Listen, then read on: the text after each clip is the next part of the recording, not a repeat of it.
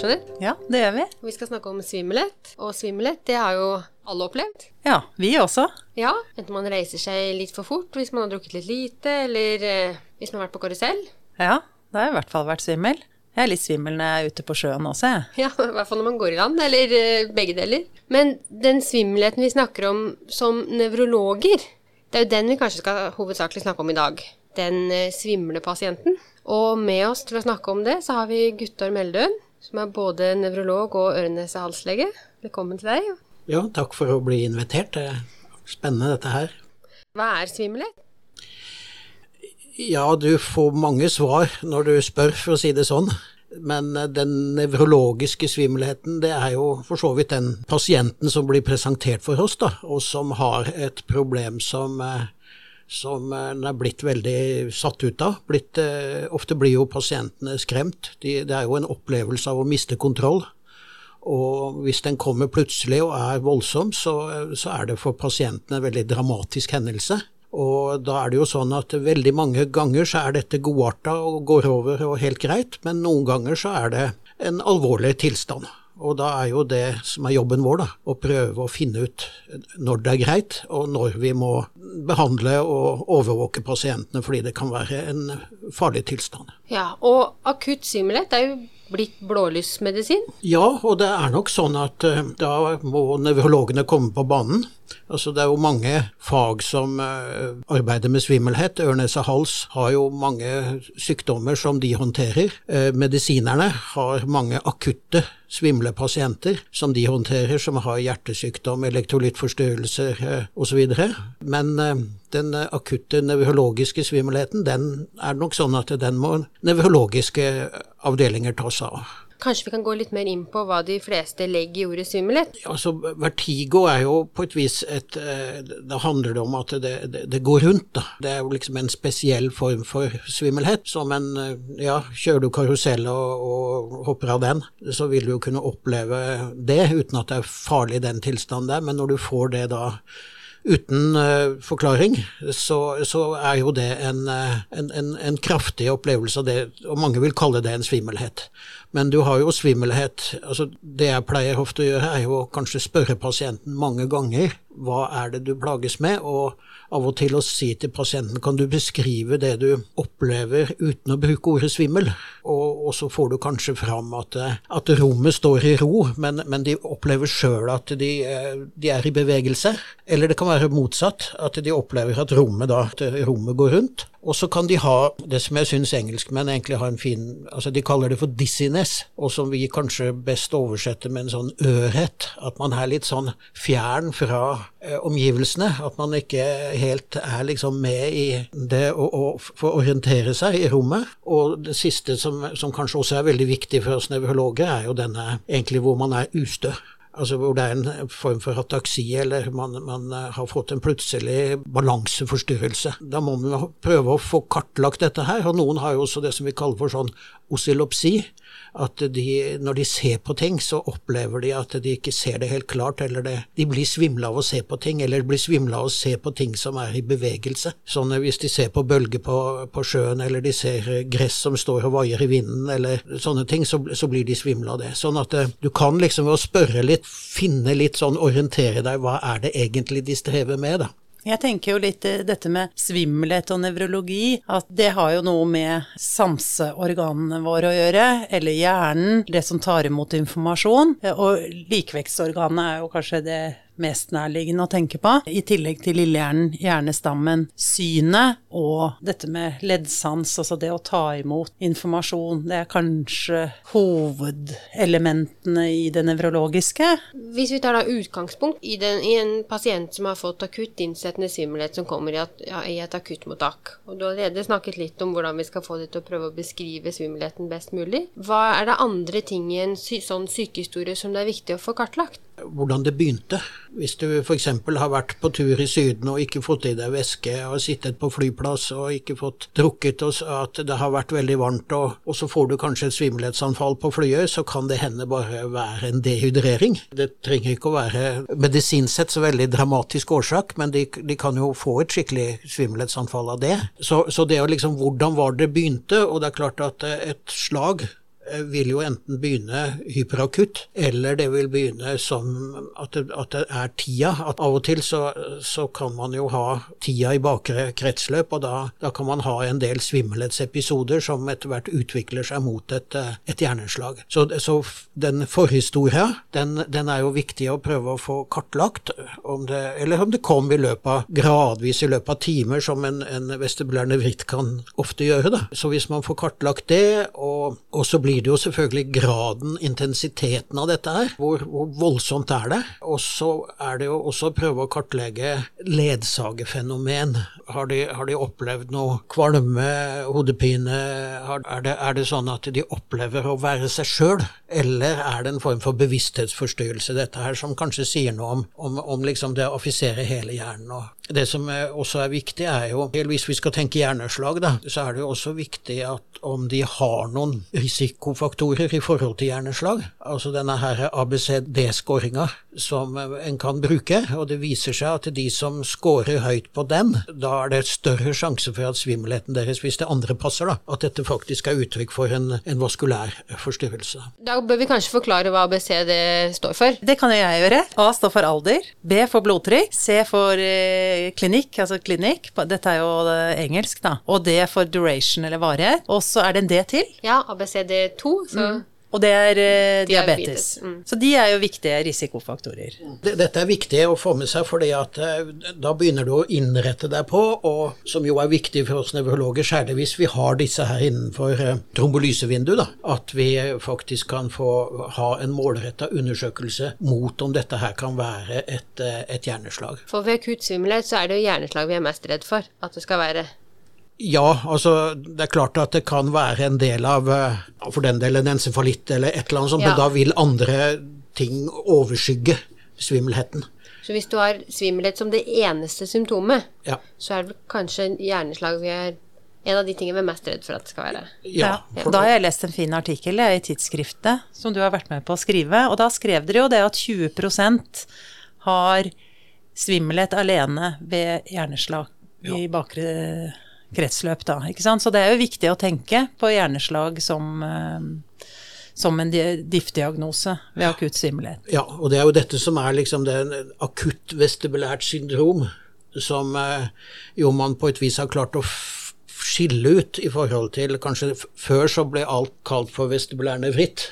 Men eh, så har man etter hvert sett at man klarer faktisk å diagnostisere den akutte svimmelheten som da skyldes et, et hjerneslag, og som ikke har så mange andre nevrologiske funn. da. Så det er riktigere egentlig når pasientene kommer inn og sier at det er et akutt vestibulært syndrom, og så utreder vi videre, og vi kan ikke si hva det er av disse underdiagnosene før vi har gjort billedundersøkelser og mer ja, eller jo. Altså, nei, altså det, det, det, er det som ofte er Det er kanskje noe av det som er viktig å si, eh, som, vi bør si til, som jeg syns er viktig å si, da. Det ene er, som vi har snakka om, anamnesen, og at du får kartlagt eh, risikofaktorer og sårbarhet. Om at du kanskje har for deg en som er i et område, eller aldersmessig og sykdomsmessig, hvor hjerneslag kan være aktuelt. Og så kan du gjennom kliniske undersøkelser få en god begrunnelse for at dette er et hjerneslag, som du ikke får ved å ta MR.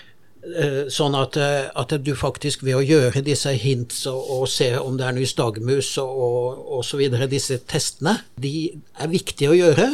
Fordi at eh, tar du Altså ofte så tar man jo akutt en CT for å se om det er blødning og, og sånn. Men hvis man er ute etter og skal finne et infarkt, så ser man, har man veldig lav eh, eh, Hva heter det for noe? Eh, sånn, Sensitivitet? Ja, kanskje ned i 10% på, på et, et, gjerne et infarkt ved, ved MR de første to døgnene. Og det gjør at hvis du da Ofte så er du jo heldig, da, så får du MR med en gang det er kommet. Og så hvis det da er et slag som kanskje er under en centimeter i størrelse, så ser du ikke det. Nei, og da er vi inne på disse HINTS-testene ja. som vi må eh, beskrive hver igjen. sånn at det, Vi går over til den kliniske undersøkelsen. Ja, så ja. HINTS står for hodeimpulstest. Mm. Nystagmus og test of skew deviation. Eh, er det noen andre sårbarhetsfaktorer som vi burde nevnt før vi går videre til den kliniske undersøkelsen? Det som jo er noe du spør om, det er jo er det første gang du har denne type svimmelhet? Og det neste spørsmål, får, Ja, det er første gang, hvis de sier det. Så er det neste spørsmålet ditt er det helt sikkert det, at du ikke har hatt det før. Fordi at veldig ofte så glemmer man det. Og så når du liksom får snakka litt med dem, og de begynner å tenke litt, sånn er vi alle laga, så har de egentlig hatt akkurat det samme før.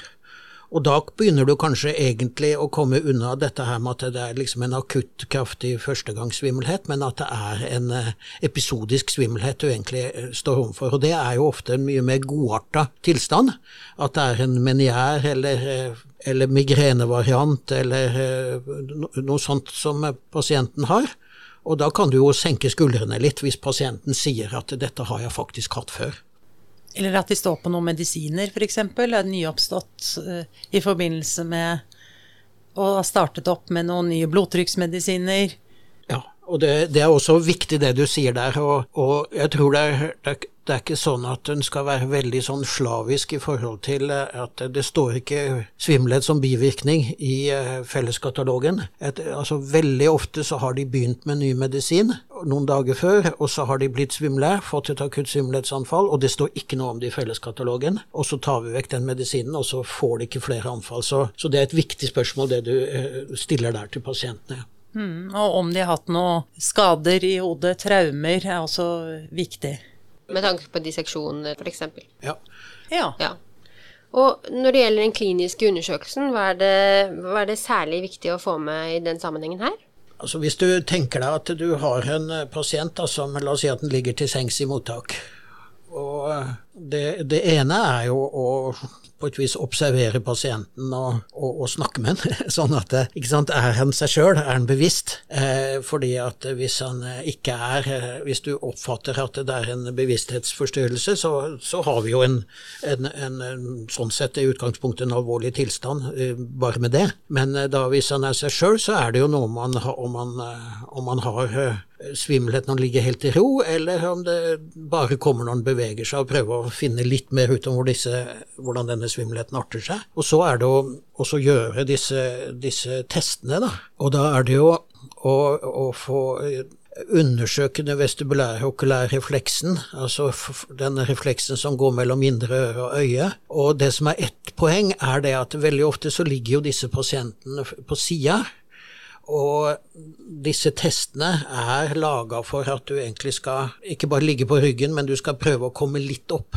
sånn at du får dem litt sånn i, i, i horisontalt. da. Sånn at uh, hvis de ligger på skeive og du skal undersøke Altså du må jo gjøre det du får til, da. Du skal jo ikke Ofte så vil jo pasienten Altså du spør har du det bra. Jeg har det bra hvis du ikke rører meg, ikke sant. Så du må jo finne ut hva du får til.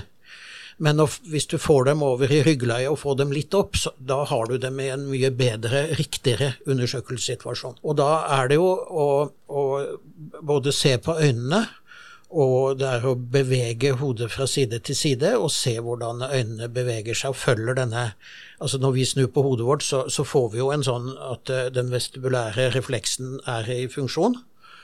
Og så, uh, og så, er jo den ene testen, det er jo da den vestibulærokulære suppresjonen, hvor de da skal uh, se, se, på mot nesa di, og så skal du snu hodet fra side til side.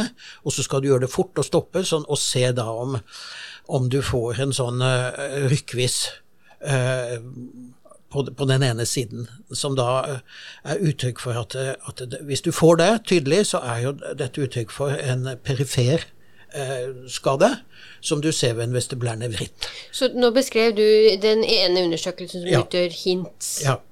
Ja, det er hode, hodeimpulstest, da, som, mm. som du ja. har beskrevet veldig fint, hvor du mm. får en forsinkelse av refleksene. Altså øynene skal jo være sånn som du sier, veldig raskt tilbake mm. når du gjør Altså du, du snur hodet i hvert fall 45 grader til siden, og så tar man hodet fort inn mot midtlinjen, og da skal øynene på plass med en gang. Men ved en vestibulærisnevritt, som du sier, så henger liksom øynene litt igjen, og så kommer de litt forsinket inn i midtlinjen. Det ligger fine videoer ute på nettet på hodeimpulstest og patologiske tester, nettopp med tanke på vestibulærisnevritt, så det kan vi jo egentlig anbefale. Absolutt. Og da er det den korrigerende bevegelsen vi ser etter det, med øynene. Ja. ja. Og det du beskrev først, er at når vi beveger hodet til den ene sida, så er det vanlig, sakte, så er det vanlig at øynene beveger seg i motsatt motsatt Men du, du må jo be pasienten om å holde eh, Altså holde Blikket blikket rett, rett frem. Eh, så de, de skal bare se rett frem, det, og så skal du bevege hodet til sidene. Eh, og så må de stole på deg, da, ikke sant, sånn at de er litt slappe i hodet. Og det er jo det som du sier er litt vanskelig da, med pasienter som er veldig svimle, nettopp å få gjort disse testene. Men det er jo kjempeviktig, eh, for ellers så må de gjennom kanskje enda verre tester. så eh, med, med mye ekstraundersøkelser, så jeg tenker at får man en positiv test her med et, en klassisk sykehistorie med en svimmelhet som oppstår i løpet av timer, eh, så er det jo mer da indikasjon på en vestibularis nevritt. Og det er det man på egentlig folkemunne kaller virus på balansenerven, som veldig mange fikk som diagnose tidligere, som kanskje er, i en periode ble litt overdiagnostisert, eller er det feil? Ja, jeg tror nok det var en del eh, små slag inni der. Ja. Og, og, og det, jeg husker jeg leste en artikkel for noen år siden, og da var det jo beskrevet at vestibularisnevritt den kan begynne gradvis i løpet av noen timer, eller den kan begynne hyperakutt. Og da tror jeg nok kanskje det var to sykdommer som var beskrevet. Ja. Og at man da ikke hadde denne testen vi snakker om nå, da. Men kanskje vi kan gå gjennom systematisk de kliniske undersøkelsene vi gjør, og så kan vi si et eller annet om hvis det er patologisk, f.eks., så tyder det på den tilstanden mot for den. Jeg må bare blande meg, jeg må bare forklare forkortelsen først. Hode, impulstest, nystagmus og skew deviation. Test, ja. Eller covertest. Så det er hints. Og det bruker vi for Det bruker vi for nettopp å undersøke eh, likevektsapparatet. Og for å kunne på en måte Skille. skille mellom om du tror det er et uh, slag eller Eller om du tror det er en sentral eller perifer årsak. Helt riktig. Ja. Ja. det er i hvert fall sånn ja. Ja. Og så lurer jeg meg til, og når jeg gjør dette her, at jeg først sjekker at de faktisk Altså den vestibulære okulære refleksen, at, de, at øynene går helt i ytterkant når du snur på hodet, at det funker. Fordi vi har jo en tilstand som heter vestulopati, hvor, hvor det er en eh, sykdom i indre f.eks. hvis de har fått eh, ototoksisk medikasjon som gjør at de, de, de får dette. Men det er, det er jo ikke en akutt tilstand, da, men jeg pleier å ha det med når jeg sjekker øynene. Og så har vi jo kanskje, kanskje før vi gjør denne testen vi snakket om, så ser jeg også etter nystagmus. Da At da er det jo liksom å se på øynene eh, både når de ser rett fram og til siden, om vi ser nystagmus, og så er det jo eventuelt om man har da disse Frensers briller. og Ja, så frensels, frenselsbriller bruker man fordi da klarer de ikke å fiksere, så man mister fiksasjonsevnen, fiksasjonsevnen da, ikke sant? Og det, det gjør at man lettere ser en Mm. Ja. nystagmus som man kanskje ikke ville sett ellers. Men ofte så syns jeg at eh, er det nystagmus, så, så ser man den. Og, og det, da blir det liksom Dette med å vurdere nystagmusen, da. Det er jo en og annen som kanskje har en eller annen eh, fra de var små eller et eller annet, at de, de har en nystagmus. Øyne som hopper og danser litt, som, eh, som de da har adaptert, og som ikke plager dem i det hele tatt. Så det er jo et poeng å Er dette nytt? Men, eh, men hvis man da ser at det er en nystagmus, altså en rykkvis bevegelse av øynene, som enten da vanligvis går, går til den ene siden, men noen ganger så ser man nystagmus som går over halvøya, at den er veldig kraftig, eller at man ser at den er til, eh, til, eh, til begge sider. Og da er det jo skrevet tykke bøker om nystagmus. Jeg syns vel at det, liksom, det ene eh, som er viktig, er jo liksom Er det nystagmus? For det er et viktig funn. Er, altså, folk kan være svimle og plages mye, men nystagmus er et tegn. Altså Det er i nevrologisk sammenheng et, et viktig tegn på, på eh, noe som er galt. Så det å merke seg det er, er viktig. Og, og så er det jo da sånn at er den ensidig, så regner vi den som eh, perifer. Eh, og hvis den slår til samme side, så regner vi den som perifer, og hvis den er horisontal. Og så eh, regner vi den som sentral hvis den slår den ene veien når du har blikket den veien, og den andre veien den veien. Så regner vi den som sentral. Så nå viser du Du tok til høyre og til venstre, da. Så Ja. begge er Ja, da, da skifter den side. Det er et sentralt tegn. Og så pleier vi også å si at hvis den slår oppover eller nedover, så, eh, så er det også et sentralt tegn, eh, hvis den gjør det. Og så sier vi vel også at det, det, er et sentralt tegn hvis du ser rett fram, og den har en litt sånn korketrekker, eh, altså litt sånn rotatorisk. rotatorisk men eh, hvis vi gjør den når vi kommer så langt som til at, dette med krystallsyk og, og Dix Hallpark-manøver og sånn, så vil det jo, når du gjør det der, så vil du få en enside, så vil det være en rotatorisk nystagmus der som er perifer, da. Men eh, det viktige er jo egentlig bare å prøve å, å, å se hva er det man ser, og så prøve å, å mene. Jeg tenker, altså, Du sa det at den slår til den ene siden, og da sier vi at den, den slår i, til den retningen hvor den har den raske fasen. Mm. Ja.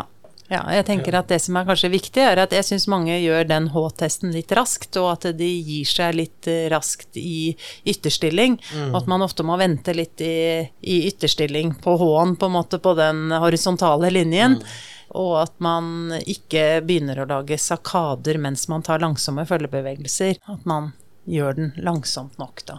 Ja, og hvis man drar den for langt ut til siden også, så får man jo en innstillingsnystagme som noen og det, det, det har jeg ikke noe tall på, men jeg føler liksom at eldre er litt dårligere til å si se ordentlig ut til sidene, sånn at man ikke trekker de sånn så langt ut. Det er vel kanskje mine kliniske tips der, at man har litt tid, og at man gjør det også kanskje i ulike posisjoner, og at man ser etter nystagmus sånn som eh, det står i denne fine artikkelen, ved hoderistning kan man kanskje se at det skjer noe med øynene, eller når man gjør en brå bevegelse, reiser seg opp f.eks.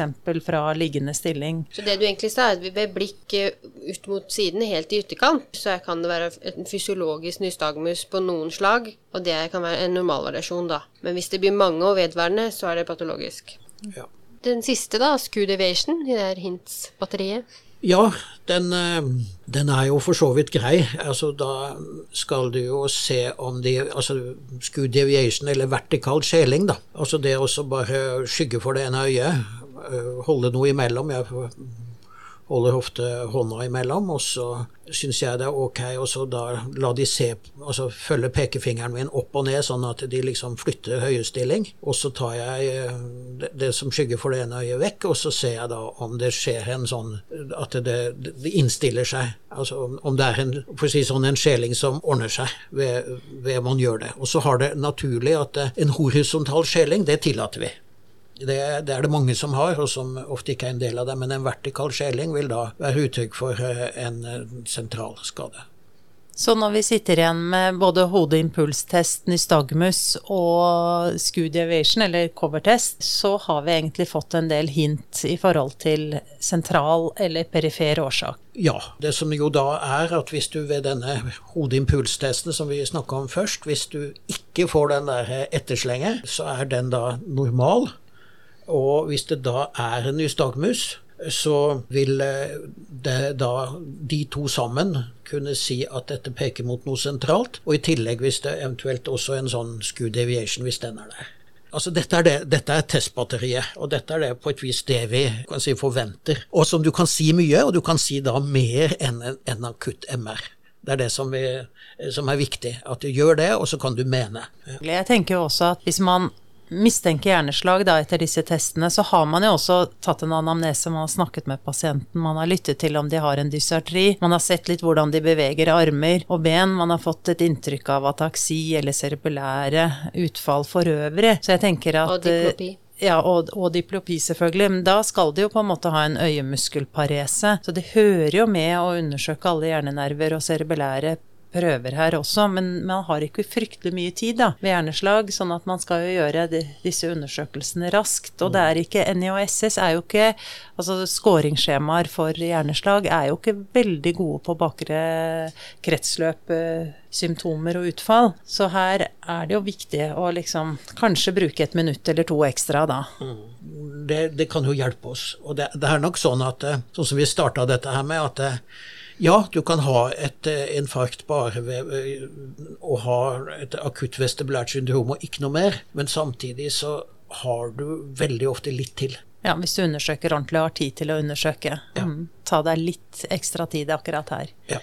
Mm. Og det som jo Vi har jo snakka i mange sammenhenger om at vi skal ha hjerneovervåking på sykehus.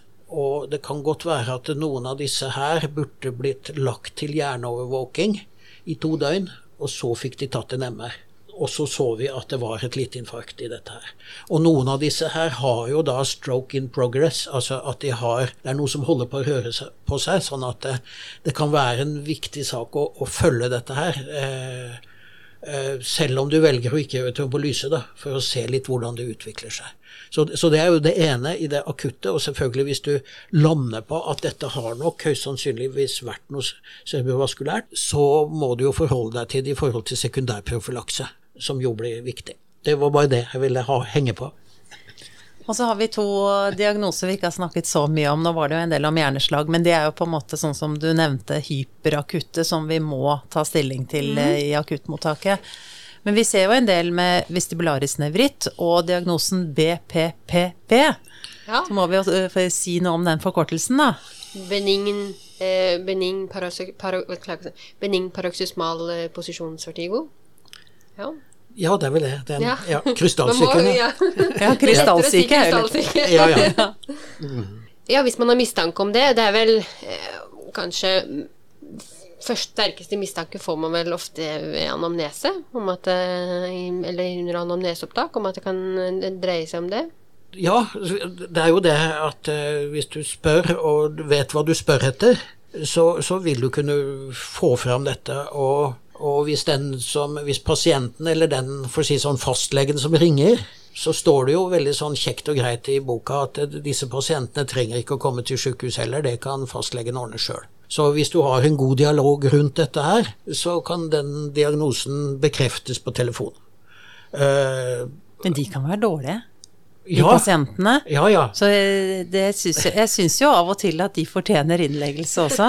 For all del. Ja. Men hvis man kan, hvis vi kan reponere det på fastlegekontoret, så er det bedre enn en ubehagelig transporttur, da. Ja, det er jeg helt enig. Men da må vi, når vi snakker om eh, reponering, så må vi snakke litt om disse små krystallene. Jeg har så lyst til at vi skal gå innom eh, de, men det er kanskje og, og litt tidlig. Og først kanskje hva er, det som, hva er det som gjør at For nå sa jo jeg at eh, man kan mistenke for anamnesen, men hva er det som er en typisk BPPV-sykehistorie som gjør at du liksom tenker dette hørtes veldig ut som det? Ja, altså det som er poenget, altså det vi har snakka om fram til nå, er jo den akutte, uprovoserte svimmelheten som bare er der.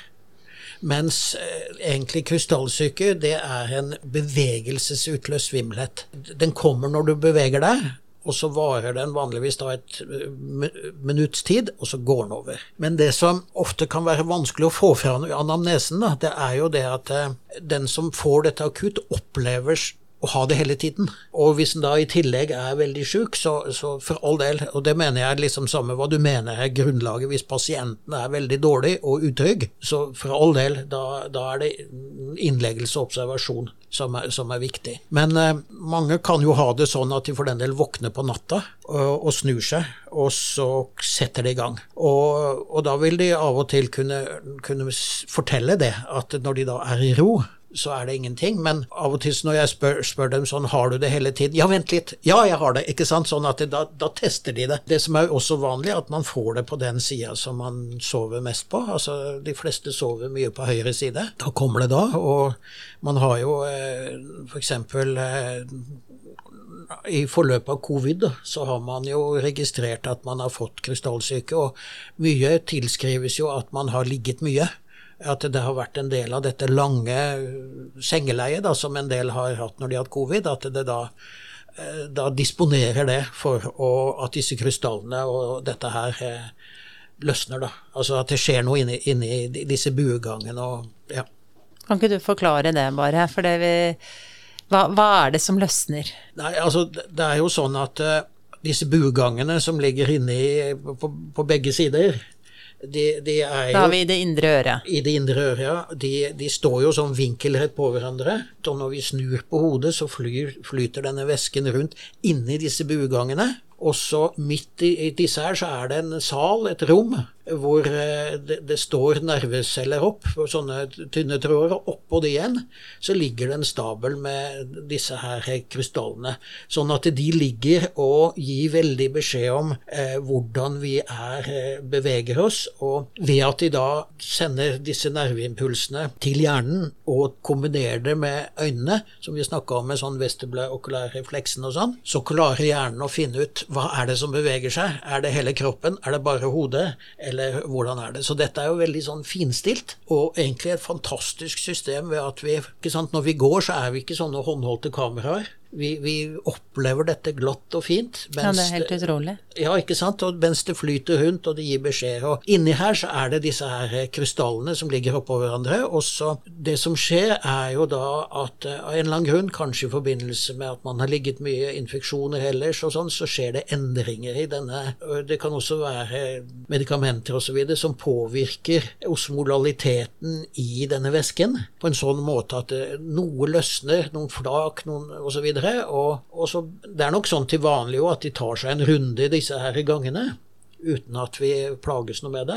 Men av og til så er det en gjeng, altså litt mer, som, en gjeng som, som dette? Ja, som tar, tar, en tur, og så lager det litt styr, da. For da, da vil det jo istedenfor at det flyter væske forbi i disse her eh, gangene, så, så kommer det jo, for å si sånn, noen enten noen, ikke akkurat store steiner, men det kommer jo noen sånne noen som legger seg på, da, ja. og som gir en, en, kraftigere impuls da, i forhold til bevegelse, sånn at eh, man får en, en opplevelse av en, en, bevegelse som faktisk ikke er der, fordi det blir for kraftig signal. Da. Mm, og når du ligger, så detter de som regel ned eh, fra Eh, altså disse krystallene da, som er kalsiumkarbonat, de detter ned i bakre bugang. Det er som regel der de detter. Ja, hvis vi, vi snur oss liksom 45 grader så, og ser opp i taket, så vil, vil, åpningen på den bakre bugangen egentlig ligge der som en sånn åpen Pose, kanal. liksom. Ja, ja. Også, sånn at det kan liksom tippe ned der. Og så er den også litt sånn anatomisk litt sånn krøllete i starten, sånn at det er ikke så lett å, å, å, å komme seg ut den veien. Eh, sånn at da, da, blir de liggende nedi der, og så vil de av og til bare oppløses når tida har gått. Når det går noen uker og måneder, så oppløses de. Men eh, hvis man da eh, får det til å flyte, eh, og det er jo det vi gjør med disse snuingene Ja, så Det var det du kalte reponering? Ja. Mm. Men da er det, da er det, det er to vertikale. En posterior og en eh, anterior. Og så er det en ja, bugang, og så er det én horisontal. Ja, det går en opp, og så mm. går det en horisontal, og så går det den bakre. Ja. Og den horisontale, den, den, eh, Altså når vi snur hodet fra side til side, så, så renner det i den horisontale. Og det er, det er, noen som får dette inn i den horisontale også, og ofte så kan det være fort gjort å reponere det, da, ved at du bare snur på hodet, så flyter det rundt der. Mens den bakre så må vi gjøre litt mer sånn apekattmanøver som vi vanligvis ikke gjør, da. Ja, og det er den som heter Dick Holpikes manøver. Det er den som diagnostiserer det, men Eplis, er vel den unnskyld, du skal ja, nå, ja, selvfølgelig, nå surrer jeg. Ja. Mm, Eplis manøver, ja. ja. ikke sant. Det var Dix Holpark, eh, altså Margrethe Dix heter hun vel, og så han, han eh, Holpark, de fant ut dette her i England rett i begynnelsen av andre verdenskrig. Og, så, og da, det de gjorde da, var at de opplevde at når de la pasienten ned i den 45 graders vinkelen, så fikk de da en kraftig stimuli. Eh, og fikk utløst en sånn uh, akutt svimmelhet som da kom i løpet av noen sekunder, og så roet seg i løpet av ett minutt. Ja. Og en samtidig nystagmus? Ja. ja. Som, ja. Og det er jo det vi uh, ofte tester, da. Men, uh, men så har jo da Epli da utvikla det videre til at hvis man, hvis, man, da tenker at rotatorisk, da, så, så hvis du da snur på pasientene på et visst rekkefølge, så får du dette her til å, til å renne rundt da, i hele bugangen, og så, og så, får du da lykkeligvis i de fleste tilfeller dette på plass. Så det Eplis brukes på en, en, eh, BPPV når det er den bakre bugangen som ja. den krystallen eller otolitten mm. har havna i, eller den ja, de, eller ja. ja. Men funker den på en fremre òg? Sånn som jeg oppfatter det, så gjør Hvis du enten gjør du i forhold til bakre bugang på høyre side eller fremre på venstre, sånn at du, du, du bruker det til det. Men det som, det som er tilfellet, er jo at uh, etter hvert så er det jo flere sånne reponeringsøvelser man kan gjøre i forhold til dette her, og i forhold til de ulike bugangene. Og du, du har jo denne eplismanøver som vi har snakka om, og så du, hvis det noen ganger setter det seg fast i den horisontale òg, og, og, da har vi jo en sånn en som eh, hvor du snur pasienten helt eller delvis rundt. I, eh, som, 360 grader liggende som en stokk? Ja, og det er jo den som heter liksom sånn barbecue, da. Ikke sant, det blir som grillspyd. eh, du snur. Og så, og så gjøres dette også Her er det mange flinke, både Ørnes øre-nese- halsdoktorer og fysioterapeuter og kiropraktorer som gjør dette mye. Og noen gjør det også mens de, de banker over tinningbeinet. Og noen bruker også vibrasjon, sånn med tanke, ikke sant, som med nyrestein og sånn, at man kan få løst opp dette med vibrasjon. Og det fins jo også, istedenfor at du gjør den manøveren, så, så fins det jo også en sånn stol man kan sette pasienten i, og så kan man sveive rundt. Så du får liksom snudd i forhold til Da får du gjort det veldig skikkelig, da. For da, da, gjør du jo en sånn 360 grader i den retningen du med, under buegangen går. ikke sant? Så, så det, er, det, er, mye her som, som, holder på å utvikle seg. Det dumme med det er kanskje det at en, en, skulle gjerne hatt mer forskning på det. da. Det er vel kanskje greit at man lærer seg noen manøvre, eller gjør det eh, noen ganger med, i forhold til en pasient. da. Så, så, jeg har vel lært meg liksom Eplis manøver og denne her grillspydmanøveren og, og, og, og, noen sånne tester, og så holder jeg meg til det. Det er liksom min erfaring. da. Ja. Og det hjelper på de fleste, men en del er, er veldig plaga med dette her, da. Jeg tenker at det er det vi holder oss til i utgangspunktet, ja, også for det, det, er det som uh, utgjør flesteparten av prosent, ja. og er lett å gjøre i en klinisk setting. Og så er det jo, som du sier, mange som driver med dette som en spesialisert oppgave også. Mm. Og da har man jo litt mer tid da, og da er vi jo mer over på den eh, kroniske svimmelheten. Men før vi går dit, så må vi bare Vi har jo snakka om vestibularisnevritt. Og bare når de, Vi snakka jo om de kliniske undersøkelsene og funna ved en vestibularisnevritt. Og da ved head impulse-test så man, vil man da se en korrigerende bevegelse når man gjør bevegelsen mot det syke øret. Og hvis man ser på nystagmusen, så vil den raske fasen være mot det friske mm. øret. Det er korrekt. Det. Ja. Mm. Og så kan du jo tillegge der at uh, ofte vil du både gjennom anamnesen og undersøke ellers få litt sånn mistanke. Du, altså Pasienten vil av og til si det at det, det er noe med det ene øret mitt.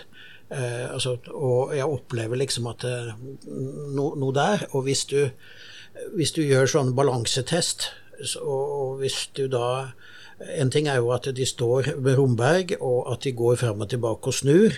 Så vil jo du kunne se noe på selvbelære ting, men hvis du gjør den testen som heter Unterbergs test, hvor de da Du ber dem stoppe, stå, og så går de på stedet hvil, og så fortsetter de å gå og lukker en øynene, så vil de dreie mot sin syke side.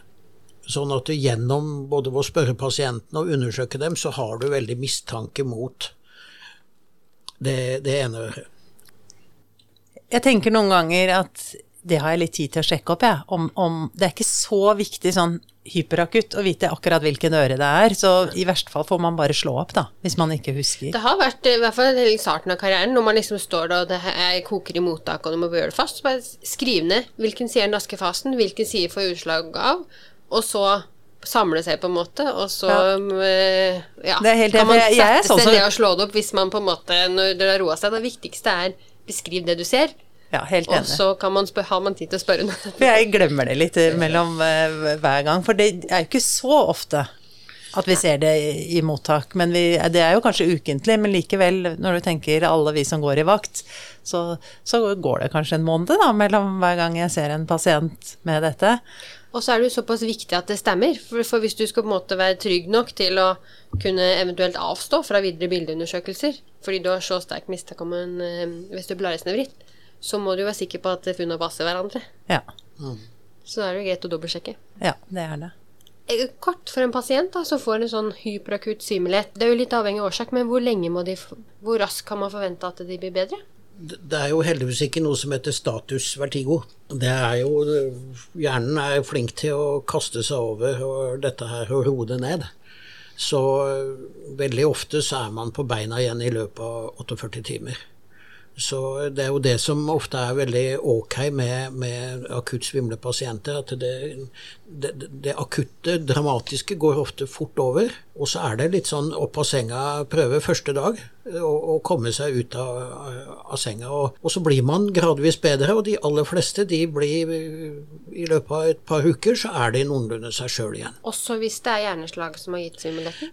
Ja, da kommer det litt an på selvfølgelig hvor, hvor, hvor dette har ramma. Eh, det kan, noen ganger så kan det jo um, ramme sånn at det, det, det blir eh, veldig langvarig. Så, eh, men du kan si en, en mange av vestibulærene vrittene, da, de er jo sånn som jeg beskrev nå.